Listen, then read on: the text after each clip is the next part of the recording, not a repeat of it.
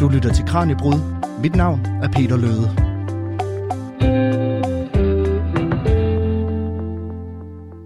Peg et kamera mod månen og se, hvordan fremtiden ser ud her på jorden. I dag i Kranjebrud, der forvandler vi månen til fotomodel. Men det er ikke nok bare at stå her på jorden og så pege et spejlrefleks op mod, øh, mod himmellæmet. Nej, det her fotoshoot, det skal nemlig foregå i rummet. For når månen den lyser på nattehimlen, så skyldes det jo, at solens stråler reflekterer som et spejl fra jordens overflade og tilbage på månen.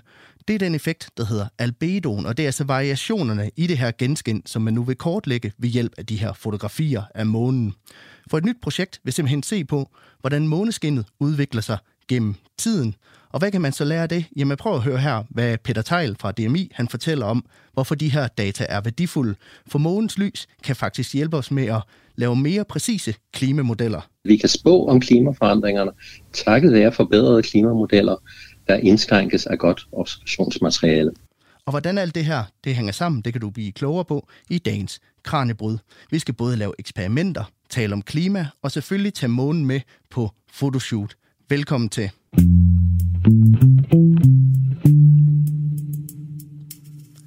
Og René Fleron, det her med at fotografere månen, det lyder jo en lille smule mærkeligt. Hvorfor hvorfor er det vigtigt at vide, hvor skarp månens lys er, altså hvor meget lys jorden øh, kaster tilbage på månens overflade? Ja, altså det er jo ikke månens øh, lys i sig selv, vi er interesseret i. Det er faktisk netop, som du siger, det lys, der kommer fra jordens overflade, og som så rammer månen. Hvis man går på månen øh, som astronaut og er i det, der hedder månens natside, altså den mørke side, så vil man opleve jordskin, fuldstændig som vi her på månen eller på jorden kan opleve måneskin.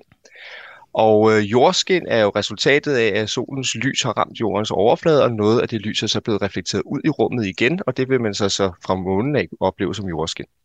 Og hvis vi kunne måle den øh, fraktion, der forsvinder ud fra jordens overflade igen med det samme, så har vi et, øh, et øh, hvad skal vi sige, bedre forståelse for, hvor meget øh, energi, der kommer ind på jorden. Så vi vil altså gerne vide i sidste ende, hvor meget energi, der kommer ind på jorden, men derfor skal vi vide, hvor meget skinner i solen alt i alt, og hvor meget går tabt, om man så må sige, ved måneskin. Og det er det, vi prøver ved at, at kigge på månen.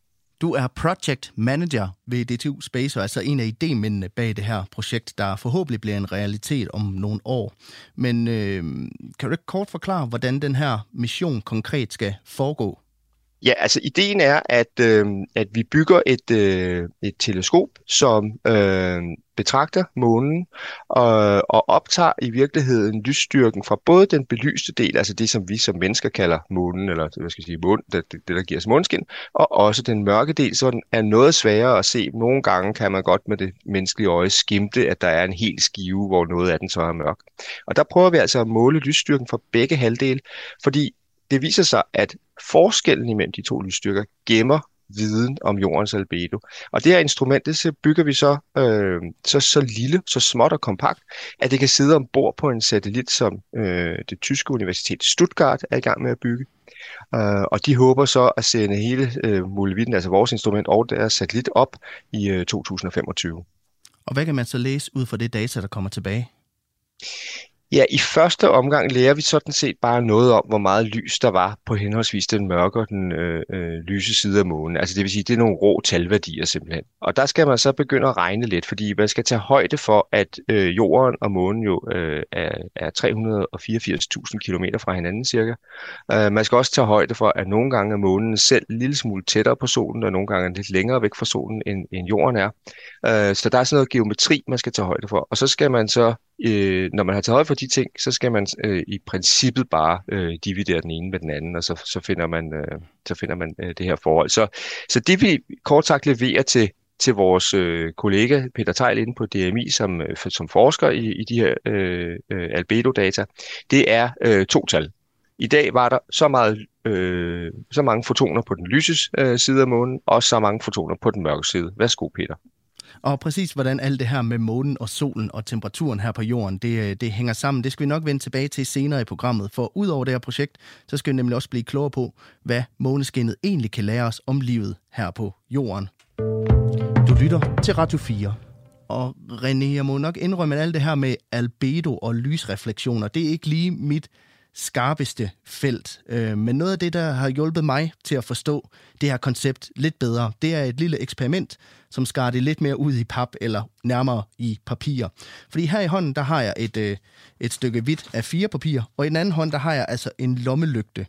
Og når jeg lyser på det her papir, så kan jeg se, at det altså giver en masse genskær.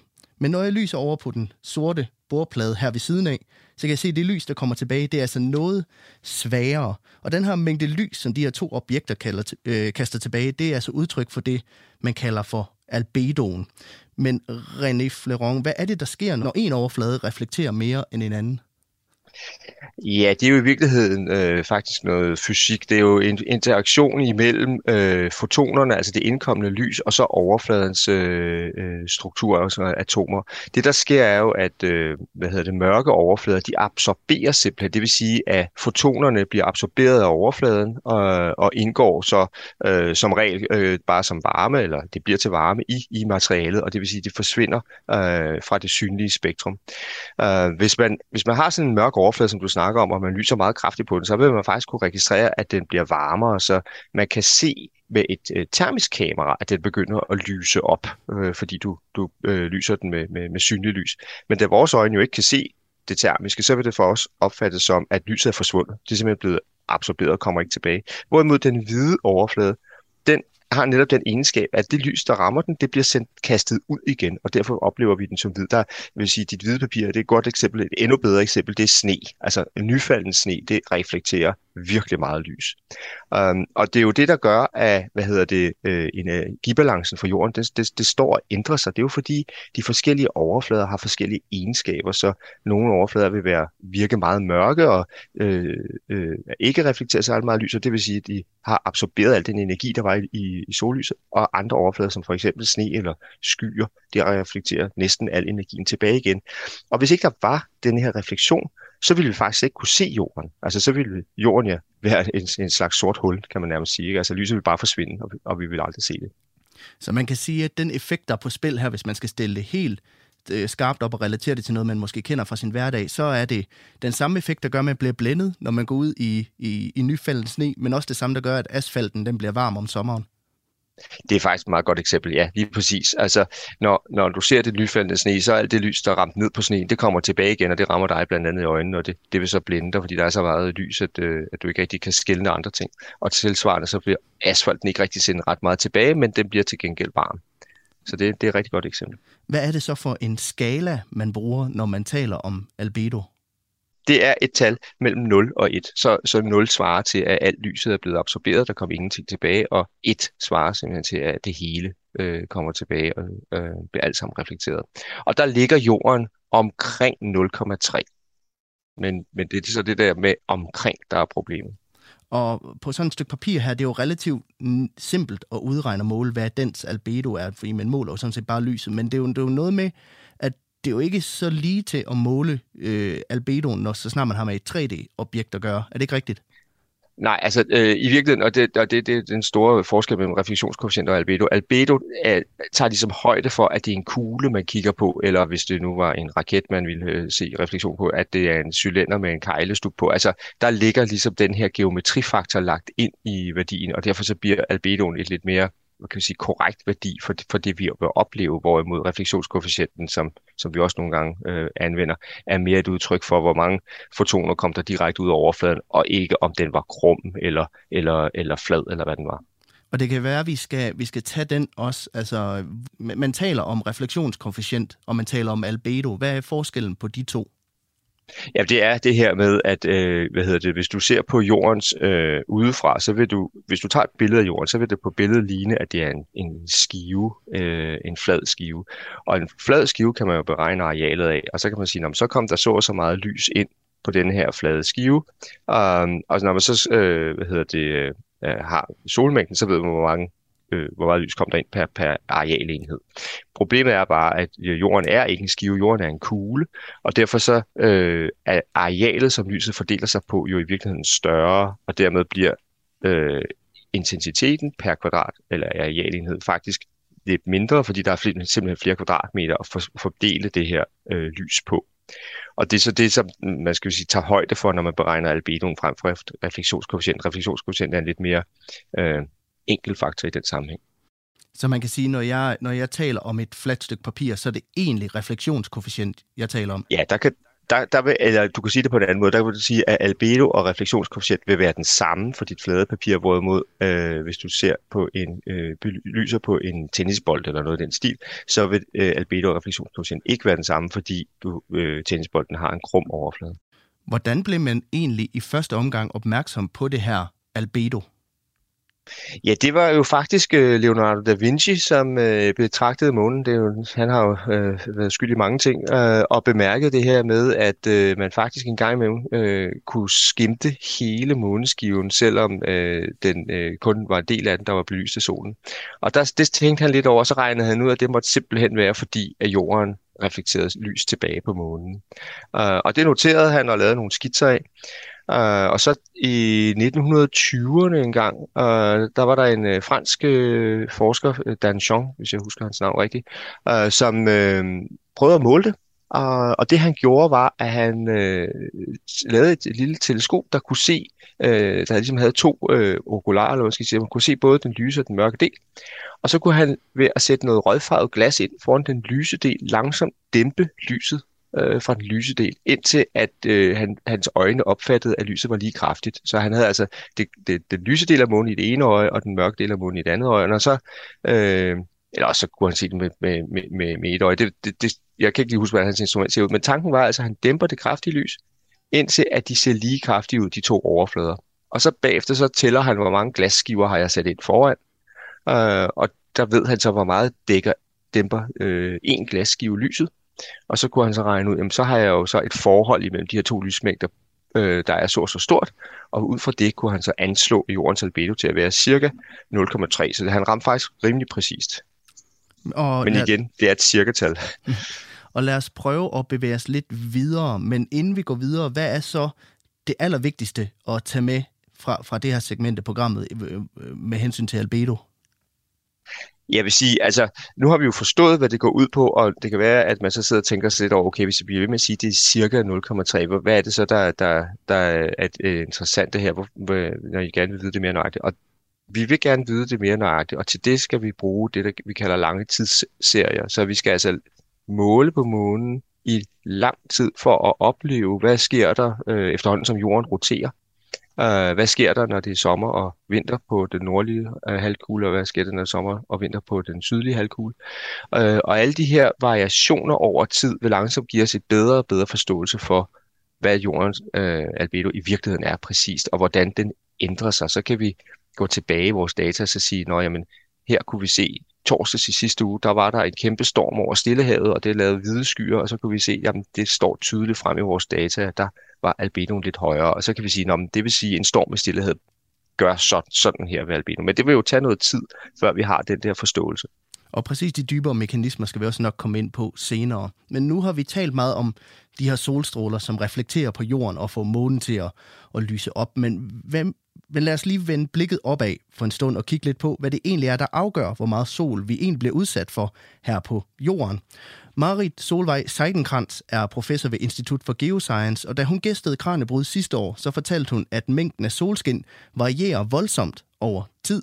Og prøv at høre her, hvad hun fortæller. Øh, og prøv at høre her, når hun fortæller, hvad der øh, gennem de sidste mange tusind år har været med til at påvirke, hvor mange solstråler, der rent faktisk har ramt jorden.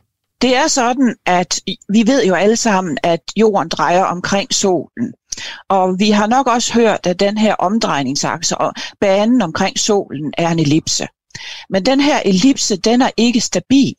Den varierer faktisk fra værende øh, sådan meget aflang til næsten rund over tid. Og så den, den står simpelthen og pulserer fra aflang til rund.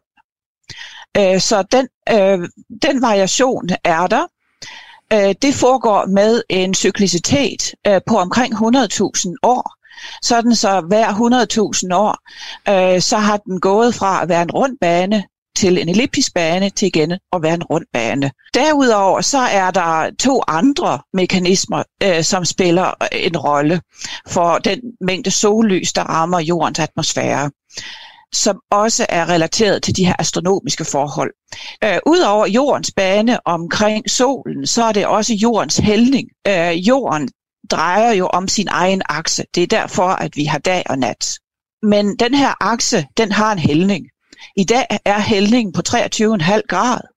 Men den her hældning kan variere mellem 21,5 og 24,5 grad. Og mængden af sollys, der rammer nordlige breddegrader, øh, varierer sådan, så hvis hældningen er er større, så kommer der mere sollys på høje breddegrader, end der gør, hvis hældningen er mindre. Den her variation fra en stor hældning til en lille hældning og tilbage til en stor hældning foregår på 41.000 år. Til allerslut, for det skal jo ikke være så let, så har vi så også en variation i retningen af jordens omdrejningsakse. Fordi i løbet af et år, så jorden den drejer omkring solen, øh, jo, og aksen den har altid den samme retning. Men i løbet af lang tid drejer aksen ligesom en snoretop, sådan så den nogle gange ender med at pege væk fra solen på de tidspunkter, hvor den ellers ville pege ind mod solen. I dag er det sådan, at om sommeren, når vi har sommer på den nordlige halvkugle, fordi jordens omdrejningsakse, eller vi hælder ind mod solen, men vi er længst væk fra solen på det tidspunkt. Over tid kan der så ske det, at vi når vi har sommer på den nordlige halvkugle, det vil sige, at vi vender ind mod solen, så er vi tættere på solen. Og det har den her retningen på jordens akse betydning for. Fortalte altså Marit Solvej Seidenkrant, professor ved Institut for Geoscience, da hun gæstede Kranjebrudstudiet 5. januar sidste år. Og René Florent, nu hører vi jo, at mængden af solstråler, som jorden modtager, det har ændret sig over flere tusind år og varierer øh, øh, over meget lange perioder. Har jordens genskin så også varieret over flere tusind år? Ja, altså jordens genskin, det varierer faktisk fra time til time nærmest, og fordi vores øh, skydække på jorden ændrer sig, og øh, alene det, at øh, jorden roterer, øh, i forhold til solen gør jo også, at, øh, at genskinnet ændrer sig, eller refleksionen ændrer sig, fordi vi har landmasser øh, og havmasser, der er forskelligt fordelt på, på jordens overflade, og den del, øh, der bliver belyst af, øh, af solen, den ændrer sig øh, i løbet af dagen. Um, så øh, der, der er mange faktorer, der spiller ind. Hvis nu månen, øh, øh, eller undskyld, hvis jorden så ud lidt som månen, så ville det være langt mere kedeligt, fordi der, der, der, er, ikke, der er ikke have og, og, og hvad hedder det, beplantning og, og årstider på månen, og den er sådan set meget øh, uniform grå i, i overfladen. Øh, men jorden er et dynamisk øh, miljø, hvor, hvor vi har øh, klima, der, øh, eller vejrsystemer, der ændrer på, på skydække, vi har snefald, og vi har løvfald, og øh, vi har, hvad hedder det, landmasser og havmasser faktorer. Øhm, så alle de her faktorer, de spiller ind oven på hinanden som sådan nogle varierende øh, øh, størrelser, som til sammen så øh, ændrer på, på den, øh, det albedo, vi oplever. Så ja, det, det ændrer sig meget. Og lige om lidt, så skal vi dykke lidt mere ned i det her med jordens albedo. Du lytter til Radio 4. Sig cheese! I dagens Kranjebrud, der handler det nemlig om en ny rummission, der vil tage billeder af månens overflade. Og det gør man simpelthen for at finde ud af, hvor stor en del af solens lys, der bouncer tilbage fra jordens overflade. Altså det, man i videnskabskredse kalder for jordens albedo, og som er det, der gør, at månen lyser op om natten. Min gæst i Kranjebrud der er René Florent, project manager ved øh, DTU Space, og en af mændene bag en kommende rummission, der skal tage billeder af måneskinnet. Og det kan altså lære os en masse om, hvordan klimaet udvikler sig her på jorden. Og lad os prøve at forstå det her albedo endnu bedre, end vi allerede gør, for vi har talt det om, om det på lidt mindre skala, for eksempel med et akvapir og, og så videre. Men lad os prøve at sætte det ind på en lidt mere planetar skala med jorden og månen. Øhm, du fortalte tidligere, René Florent, om de her røde glas, øh, der gjorde, at man i første omgang kunne fastsætte jordens albedo. Men hvordan måler man den den dag i dag? Ja, man måler det faktisk med, øh, med hjælp af et, øh, et fotometer, som vi kalder det. Uh, man kan forestille sig lidt ligesom, man tager et, et ganske almindeligt mobiltelefonkamera og, og tager et billede. Hvis man uh, får fat i den billedfil, så kan man faktisk åbne den, og så vil der i filen stå information om, uh, at denne her pixel heroppe i højre hjørne, den så så så meget rødt lys og så så meget grønt lys, uh, og så videre. Og så kan man lægge de lysmængder sammen og så sige, så kom der så meget lys ind på den pixel, og så videre derudad. Og hvis man skiller det ad og tager et, et eller andet billede, hvor der er lyse og mørke dele, så vil man kunne øh, lave en, en statistik og så sige, her der øh, kom der så så meget lys på det her, fra det her areal, og herover der kom der så så meget lys fra det her areal. Og det er sådan set den idé, vi, vi kopierer i vores instrument. Vi bygger en masse øh, små øh, lyssensorer, som øh, måler mængden af lys, der falder ind øh, på dem, og så bliver det registreret øh, af en computer øh, i form af nogle digitale tal øh, ombord på satellitten. Øh, en, en kæmpe mængde i virkeligheden af digitale tal, som så bliver sendt ned til øh, jordstationen, når satellitten passerer hen over øh, jordstationen. Og det, de digitale tal laver vi jo så om til, til hvad skal vi sige, som jeg snakker om tidligere, til, til en albedo-værdi, når, når Peter Tegn han har, har regnet på dem. Og nu, tal, nu har vi talt meget om det her med, at jordens albedo er sådan cirka 0,3. Men hvorfor er det, det er så svært at måle albedoen helt præcist fra jorden af? Grunden til, at det er svært at måle det fra jorden af, er jo, at månens lysedel er meget, meget kraftigere lysende end den mørke del. Det er jo også det, vi selv oplever, når vi går ud og siger, at månen er halv, så oplever vi, at der kun er en halv måneskive, selvom vi jo med vores øh, øh, intellekt godt kan regne ud, at månen er selvfølgelig ikke væk. Det ser bare ud, som om den ikke er der. Og det svage lys der, det, det øh, bliver hurtigt over skinnet, eller hvad skal vi sige, øh, blændet i virkeligheden af det kraftige lys, når man peger sit instrument mod mod månen. Og de ting, der spiller ind her, det er altså dels øh, interne refleksioner i selve instrumentet, at lys, der kom fra den lyse del af månen, det vil et uheld ligesom blive reflekteret over på den sensor, der skulle have registreret det mørke del. Og det kan man også se nogle gange, når man tager et billede af, igen med sin mobiltelefon eller med, med digitalkamera, af, af imod et meget lyst objekt, så er det som om, at der er sådan en halo rundt om det lyse objekt, der skinner ud på de mørke dele rundt omkring. Og det er jo decideret svært at tage modlysbilleder. Det øh, tror jeg, de fleste kender. En anden ting, der også driller, det er selve atmosfæren, fordi den lyser sådan set også op, når den, eller det er jo ikke atmosfæren selv, der lyser op, men den reflekterer lys. Det oplever vi jo heldigvis til daglig. Himlen er blå, og det er jo simpelthen fordi, at himlen, øh, eller atmosfæren reflekterer det blå lys fra solen, sådan så vi oplever, at, at himlen er blå om, øh, om dagen. Den refleksion der, den øh, er også til stede øh, om natten, og det vil sige, hvis der er lysforureningskilder i nærheden, byer eller noget af den stil, så vil det sådan set også sende fotoner ned i instrumentet, og det er et meget følsomt instrument, vi arbejder med, så bliver det forstyrret. Så der er en masse kilder, der gør, at øh, det her meget, meget svage signal fra månen, det bliver altså overdøvet af alle mulige andre signaler, som man ikke er interesseret i.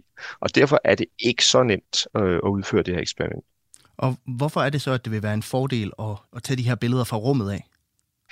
Den største fordel ved at tage det fra rummet af, det er, øh, ja, der er faktisk øh, øh mere end en fordel, men, men, men den, stør, den umiddelbart store forskel, det er det her, at vi får øh, fjernet atmosfæren. Så vi har ikke et øh, øh, forurenende lys, som kommer som refleksioner fra atmosfæren af. Øh, men en anden fordel vil også være, at når vi er i kredsløb om jorden, så vil der være, nogle gange være nogle kredsløbbaner, hvor vi faktisk kan blive ved med at stige på månen, uafhængig af, hvad klokken er, om man så må sige. Hvorimod, står man nede på jorden og kigger op, så må man jo finde sig i, at månen den står op, og så, så går den ned igen. Uh, men men det, er ikke, det, er ikke, det vil ikke være alle, uh, hvad skal vi sige, til alle tider, at satellitten har frit udsyn til månen, men der vil være perioder, hvor den har frit udsyn til månen døgnet rundt.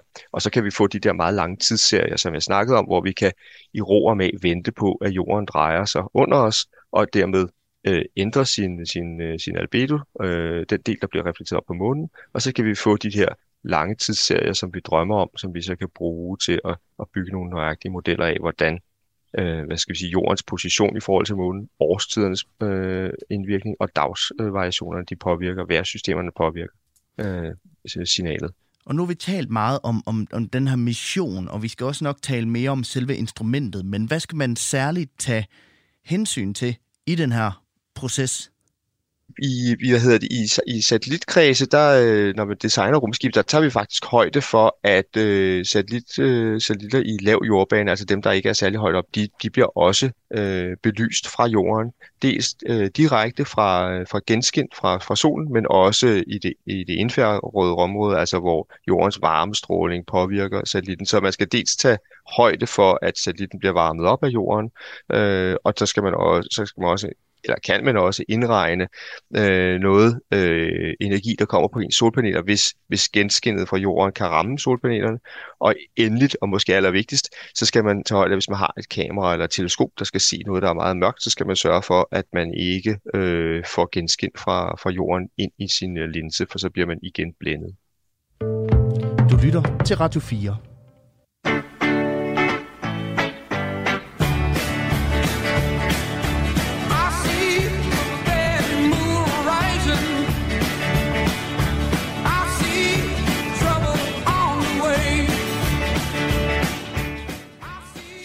Et nyt projekt vil fotografere månen for at kortlægge udviklingen i måneskinnet. Og øh, det skal man for at finde ud af, om der er, som Creedence Clearwater Revival udtrykte her, trouble on the way i form af klimaforandringer. I dag i Kranjebryd her på Radio 4, der ser vi altså nærmere på det her projekt. Men det er ikke sådan helt lige til at tage billeder af månen, for de her billeder, de skal nemlig tages fra en satellit, der er i kredsløb om jorden. Og grunden til, at vi overhovedet kender til måneskin, er jo, at øh, jorden reflekterer en stor del af det lys, som den får fra solen, nærmest som et kæmpe spejl. Det er det, der hedder jordens albedo, og det er det, som den her nye Juliet-mission, som den hedder, vil måle ved at tage billeder af månen.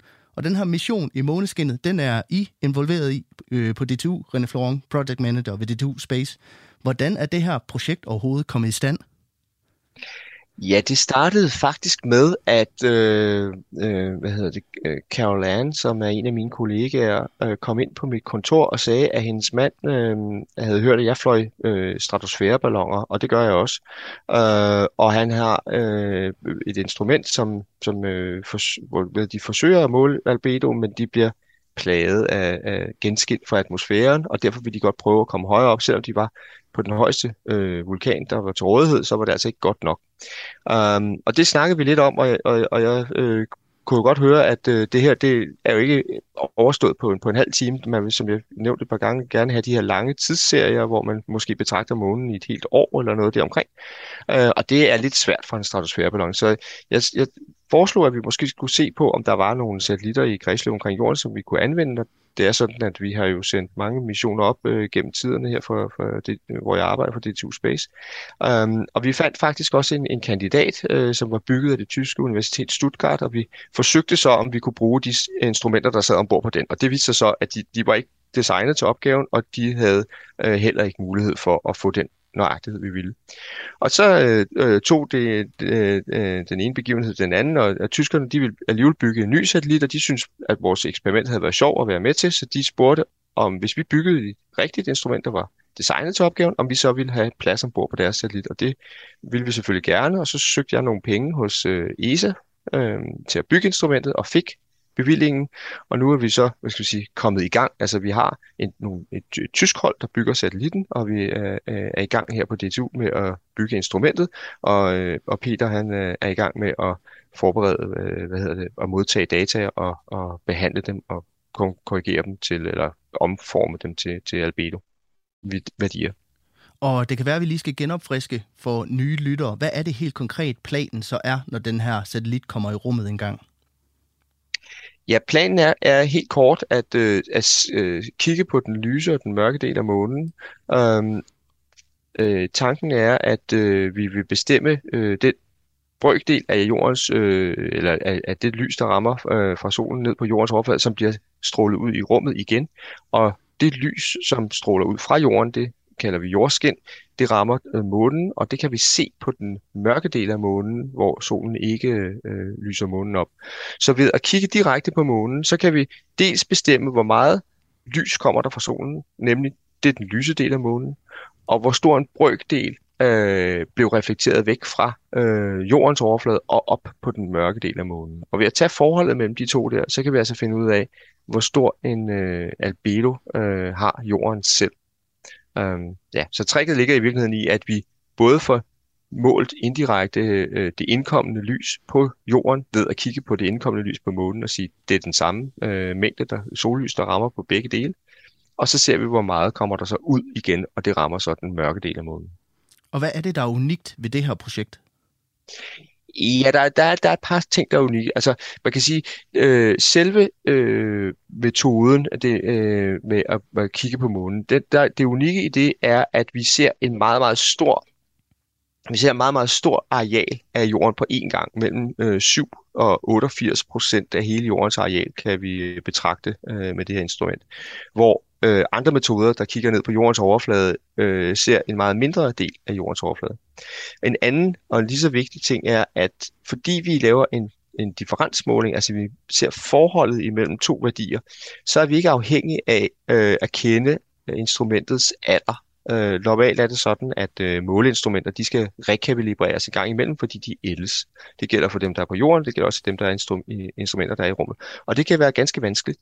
Men når vi laver de her relative målinger, så er instrumentet sådan set lige dårligt eller lige godt til at måle den lyse og den mørke del. Og da vi kun er interesseret i forholdet mellem de to tal, så gør det ikke noget, at instrumentet det ældes. Øhm, og det er de to, helt klart de to største, kan man sige, øh, øh videns, øh, på den videnskabelige sides øh, vigtige øh, pointer med, med, med, med den her mission. Og så er der så på den tekniske side det her med at samle fotonerne op i ro og mag, og kun få de fotoner, vi er interesseret i at måle, der er det altså fordelen at være ovenover jordens atmosfære, sådan så at vi ikke bliver blændet af refleksioner og genskin fra jordens atmosfære, og på den måde øh, forsnyt os selv, eller måske der forurenet vores, øh, vores målinger. Så det er de tre hoved Øh, øh, pointer med det her, øh, den her mission. Og planen er altså, at det her instrument det skal sendes i kredsløb om jorden i år 2025. Og lad os så dykke lidt dybere ned i projektet og se, hvad det så er for et arbejde, der, der venter de kommende år. For i det her instrument, eller kamera, hvis man kan kalde det det, det skal jo sættes ind i den satellit, der hedder Romeo. Og kan du ikke prøve at fortælle lidt om den satellit, og hvordan den ser ud? Ja, altså Romeo, eller Romeo-satellitten, som, som vi kalder den, er på størrelse med to gammeldags ølkasser cirka. Den er øh, 40 gange 40 gange 40 cm godt og vel. Um, og inde i den øh, er der et, øh, et, en, en række eksperimenter, og vi har så fået lov til at sidde oppe i det ene hjørne og fået et volumen til rådighed svarende til en skotøjsæske cirka.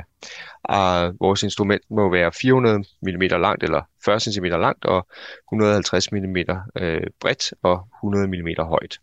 Um, og i det volumen der, der bygger vi så vores instrument. Ved siden af, af vores instrument sidder der en stor øh, vandtank, fordi de har også et andet eksperiment med ombord. De vil prøve at lave øh, brint og ilt øh, i rummet ud fra det her vand, og så brænde det af i en raketmotor, og på den måde øh, ændre satellittens bane. Det, det er et af deres andre øh, eksperimenter med satellitten.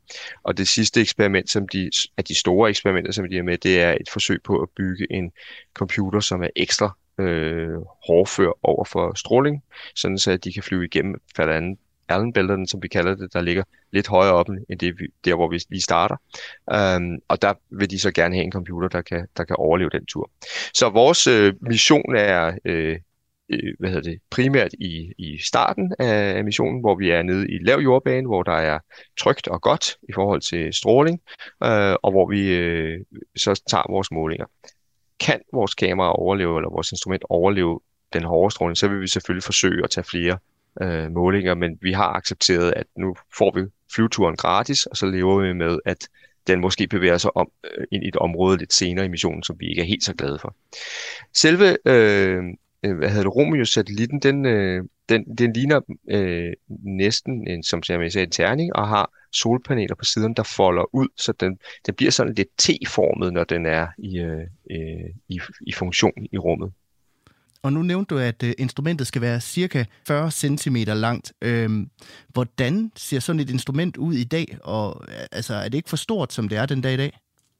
Jo, altså det instrument, som der findes, som de har arbejdet med Peter Tyler og hans kollegaer, på, øh, hvor de har haft det stillet op på Mauna Kea på, på Hawaii, eller også på det Mauna Loa, det er lidt i tvivl øhm, det er cirka en meter og 60 langt, altså sådan som, som et, øh, et, mellemskole, folke, folkeskolebarns højde.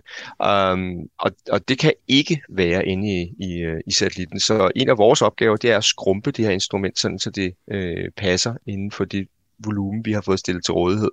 Men øh, det har vi heldigvis øh, god erfaring med i forvejen. Øh, jeg har skrumpet mange teknologier før, så, så det håber vi, at det, at det kan lykkes.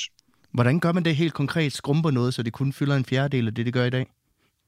Det første, man gør op med sig selv, det er lidt ligesom, hvis man tager på vandretur. Man, man øh, tager alle de ting, man har tænkt sig at smide i rygsækken, lægger det ud på et bord, så kigger man på dem, og så siger man, har du virkelig brug for de her øh, par ekstra sko, eller det her ekstra øh, kamera? Øh, og skal du have så meget chokolade med? Og så smider man simpelthen ting med, som siger, det her, det er nok ikke nødvendigt. Og det var lidt det, jeg gjorde med Peters instrument, fordi når man er nede i, i atmosfæren, hvor Peter og hans folk har arbejdet, så har de øh, behov for at skærme ekstra meget for, for det, vi kalder øh, stray light eller, eller interne refleksioner i instrumentet, fordi de har de her problemer med, øh, øh, jo, øh, hvad hedder det, atmosfærens øh, indstråling fra uønskede vinkler.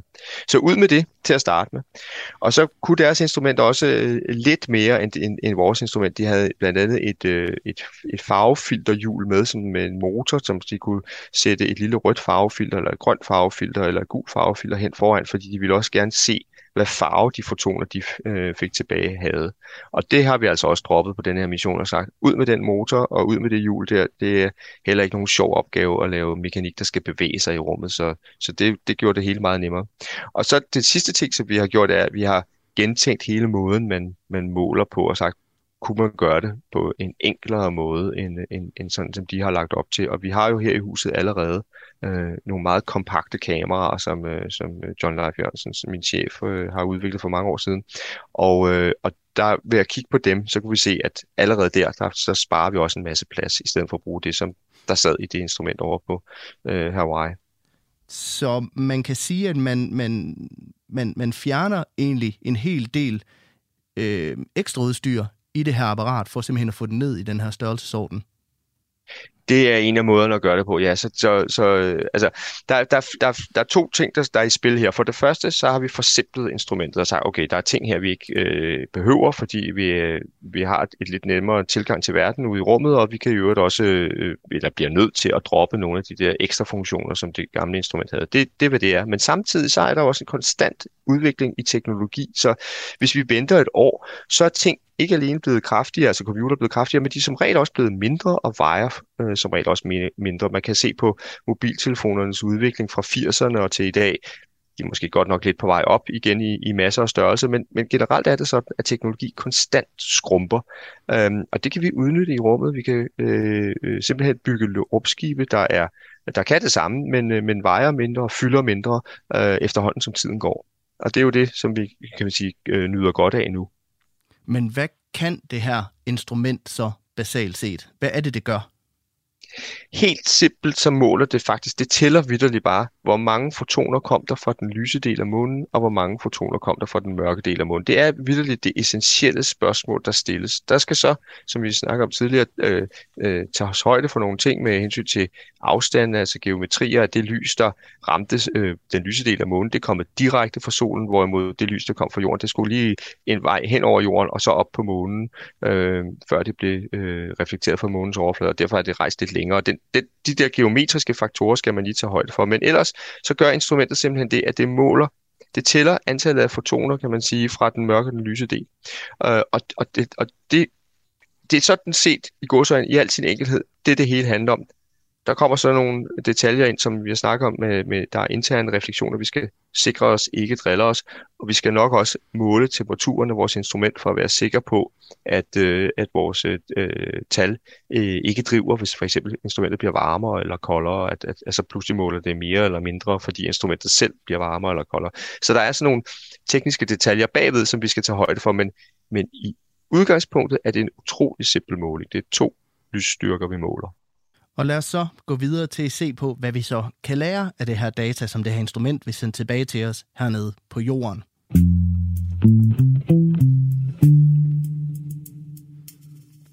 Dagens kranjebrud handler om portrætfotografi af et ret stort motiv, nemlig månen.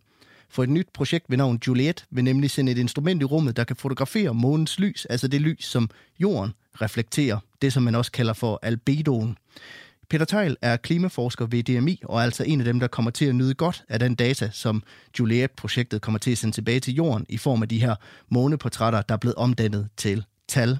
Og han forklarer, at det på lang sigt vil give indblik i klimaudviklingen her på jorden, for det kan bidrage til at udvikle nye klimamodeller, som man kan bruge til at fremskrive udviklingen med.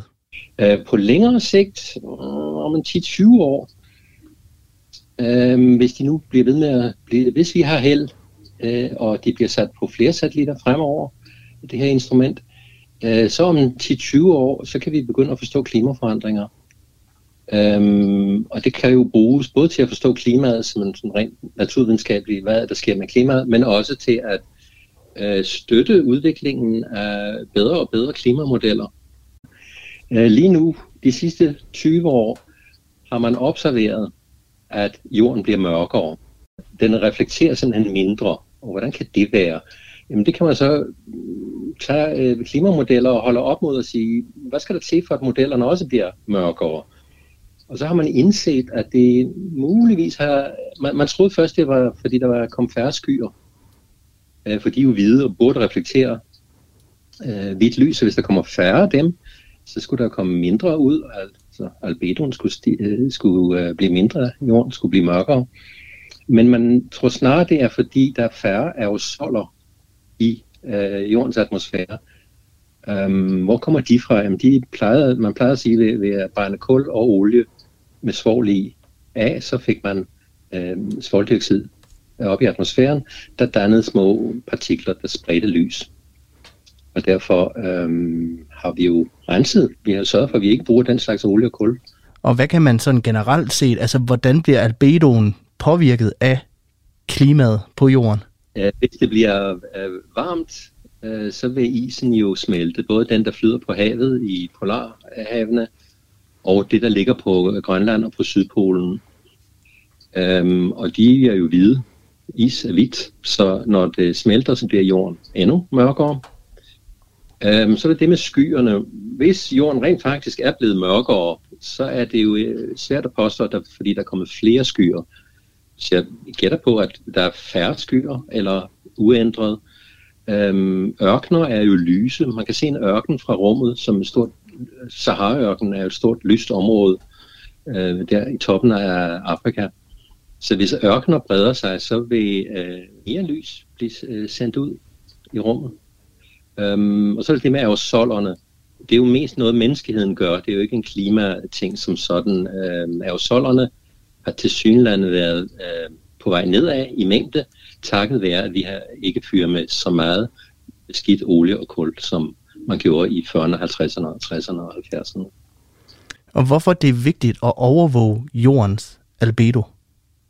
Det er for at forstå, øh, de, om de klimaforandringer, vi tror på, øh, kommer, om de også har den, øh, øh, stemmer det med det, man ser simpelthen.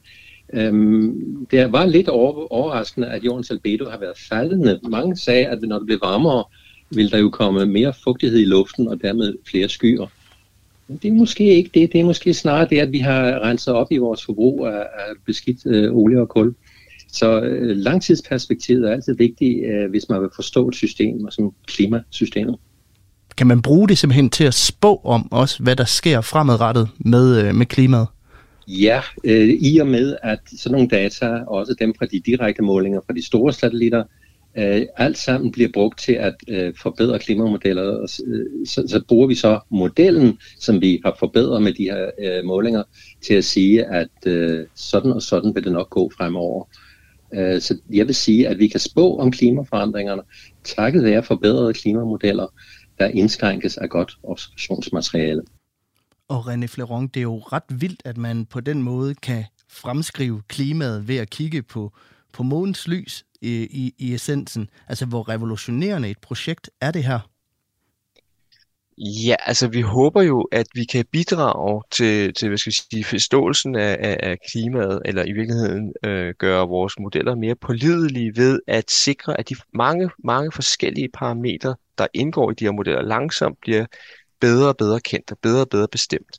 Og som, øh, som, som vi jo nu øh, har snakket om et par gange her, altså, er en af de store udfordringer med, med øh, jordens energibalance jo, at vi ikke rigtig ved præcis, hvor meget energi, der kommer ind i budgettet. Og derfor er det jo, øh, der er sådan hele tiden en dark horse i de her beregninger, når vi ikke rigtig øh, kan lave en korrelation imellem at sige, jamen, hvis der kommer så meget energi ind her, hvad sker der så? Øh, når vi ikke rigtig kan sætte det der tal præcis. Så vi håber, at vi kan lave øh, et instrument her og få nogle målinger, der gør, at vi kan komme øh, kan blive mellem 5 og 10 gange mere præcise i vores målinger, end vi har været hidtil. Uh, og det synes jeg selv i hvert fald er, er, er, er meget væsentligt. Det er jo ikke helt ligegyldigt, om, øh, om temperaturen øh, ændrer sig med, med, med 1,5 eller, eller, eller 2,0 grader. Så, så vi skal ned der og måle på 10. del grads nøjagtighed, og hvis vi skal det, så kræver det, at vi forstår, hvor meget energi der kommer ind med, med, med højere opløsning. Og programmet begynder faktisk så småt at gå på held, men inden vi slutter af, så vil jeg lige runde der, hvor projektet er i dag – For I, øh, I har fanget interessen hos ESA, som jo også har givet penge til projektet, øh, det europæiske rumagentur. Og det er jo noget med, at Andreas Mogensen simpelthen skal tage et foto af månen for jer på sin kommende øh, mission, den der hedder Hugin. Øh, det blev nødt til lige fortælle mig lidt om. Ja, det er sådan, at øh, Andreas Mogensen, han har øh, øh, i forbindelse med sin, mission, sin mission til ISS øh, en række øh, timer til rådighed, som, som øh, forskere og, og i danskere i almindelighed har kunnet byde ind på, hvad skal, hvad skal Andreas lave der. Og der snakkede vi om, kunne vi få nogle data lidt før tid øh, fra øh, af, af den her målebilledtype, ved at han havde et, øh, et kamera, og så simpelthen øh, fotografere det fra øh, ISS, der er vi jo oppe over jordens atmosfære, og dermed så kunne han måske få nogle billeder, som kunne give os et fingerpræg om, hvor, hvor vi ender henne. Man skal lige sige, at, øh, at når det er, at vi laver de der missioner der, så er der meget store sikkerhedskrav til, øh, til astronauterne om at bo på ISS, og det vil sige, at man kan ikke bare pakke sin kuffert med det, man nu synes, man har lyst til at tage med. Det skal godkendes øh, igennem nogle relativt lange procedurer, inden det får lov at komme bord på ISS. Og for at gøre smerten mindre for os selv, har vi simpelthen valgt at sige, jamen hvad er der allerede deroppe, fordi der er jo selvfølgelig en del videnskabelig udstyr. Og det betyder, at han tager altså det bedst mulige kamera, der allerede er på ISS, og så prøver han at tage nogle billeder med det, og så ser vi, hvad vi kan, hvad vi kan lære. Vi håber jo selvfølgelig, at vi kan få nogle fingerpræg af, hvor, hvor godt det her kan ende med at blive i sidste ende. Så det er ikke bare et iPhone-kamera, han peger mod månen fra, fra vinduet i ISS? Nej, det er det bestemt ikke. Det er, det er et uh, high-end uh, uh, uh, hvad hedder det, uh, spejlreflekskamera, som, uh, som han bruger. Men kan man simpelthen kalde det for en, en forløber eller en smagsprøve på, på det rigtige projekt? Jamen det vil det bestemt være, fordi altså, vi får nogle, en situation her, som er anderledes end det, vi har haft tid til. Nemlig, vi har en, en situation, hvor han er øh, uden for jordens øh, skænskin øh, til gengæld, eller øh, øh, atmosfærereflektion. Til gengæld har vi jo så nogle, nogle andre udfordringer i det, han øh, har, hvad hedder det, et, et, et håndholdt kamera, som øh, han peger ud igennem et, et vindue i ISS. Så, så lad os se, hvad, hvad det kan. Øh, han var jo ret god til at få nogle meget øh, øh, gode billeder øh, i, på hans forrige mission af de her tordenvejr, som, øh, som nogle af mine kollegaer her på instituttet øh, forsker i. Så jeg vil sige, det, der, historien øh, viser, at øh, det, det, kan godt blive, det kan godt blive godt kan I simpelthen bruge det øh, foto, eller det billede, han kommer med, til også at forbedre jeres projekt og tage nogle af, af hvad kan man sige, skønhedsfejlene allerede, inden I sender den op? Jamen, altså, det er jo det, man ville håber lidt, at, at der måske øh, vi bliver opmærksom på nogle ting øh, ved at få sådan et billede, eller måske bliver bekræftet i, at vi er på vej i den rigtige retning. Det er jo lige så vigtigt, kan man sige, som, som øh, opdager, at der er et eller andet galt, så også øh, at vide, at øh, det her, det ser fornuftigt ud. Det er en af hoved, øh, hvad skal vi sige, øh, mantraerne bag alle rummissioner. Test, test, test. Og øh, jeg kunne godt tænke mig at stille et sidste spørgsmål her til sidst. Øh, nu er der jo tre år til at øh, Juliet skal sendes med Romeo op i... Øh, op for at tage billeder af månen. Og Romeo og Julie, altså er det et match made in heaven det her? Er det bare et samarbejde, der, der er skæbne bestemt? Ja, det, det, kunne man jo, øh, det kan man jo spekulere lidt, lidt, lidt over. Altså, jeg valgte, at instrumentet skulle hedde øh, Juliet, da vi fandt ud af, at satellitten hed Romeo. Så tænkte jeg, så, så må det vel næsten være sådan. Men en af mine kollegaer påpegede med det samme, at jeg måske lige skulle gen, besøge det der øh, øh, teaterstykke af Shakespeare for at, at se, hvordan det egentlig endte. Uh, og uh, jeg håber jo selvfølgelig, at det, at det ender lykkeligt her, og så vil det være et match made in heaven, ja. René Florent, det bliver alt, hvad vi nåede i Kranjebrud i dag. Tusind tak, fordi du havde lyst til at gæste studiet. Velbekomme.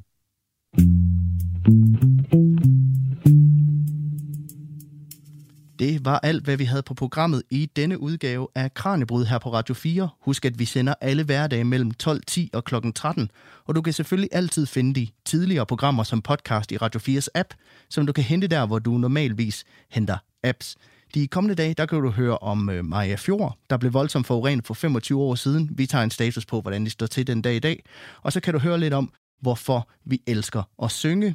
Og tidligere i udsendelsen, der hørte vi jo en lille bid af Bad Moon Rising med Creedence Clearwater Revival. Og derfor vil jeg gerne slutte udsendelsen af med, at vi lige hører en lille bid mere af det. Tak fordi, at du lyttede med.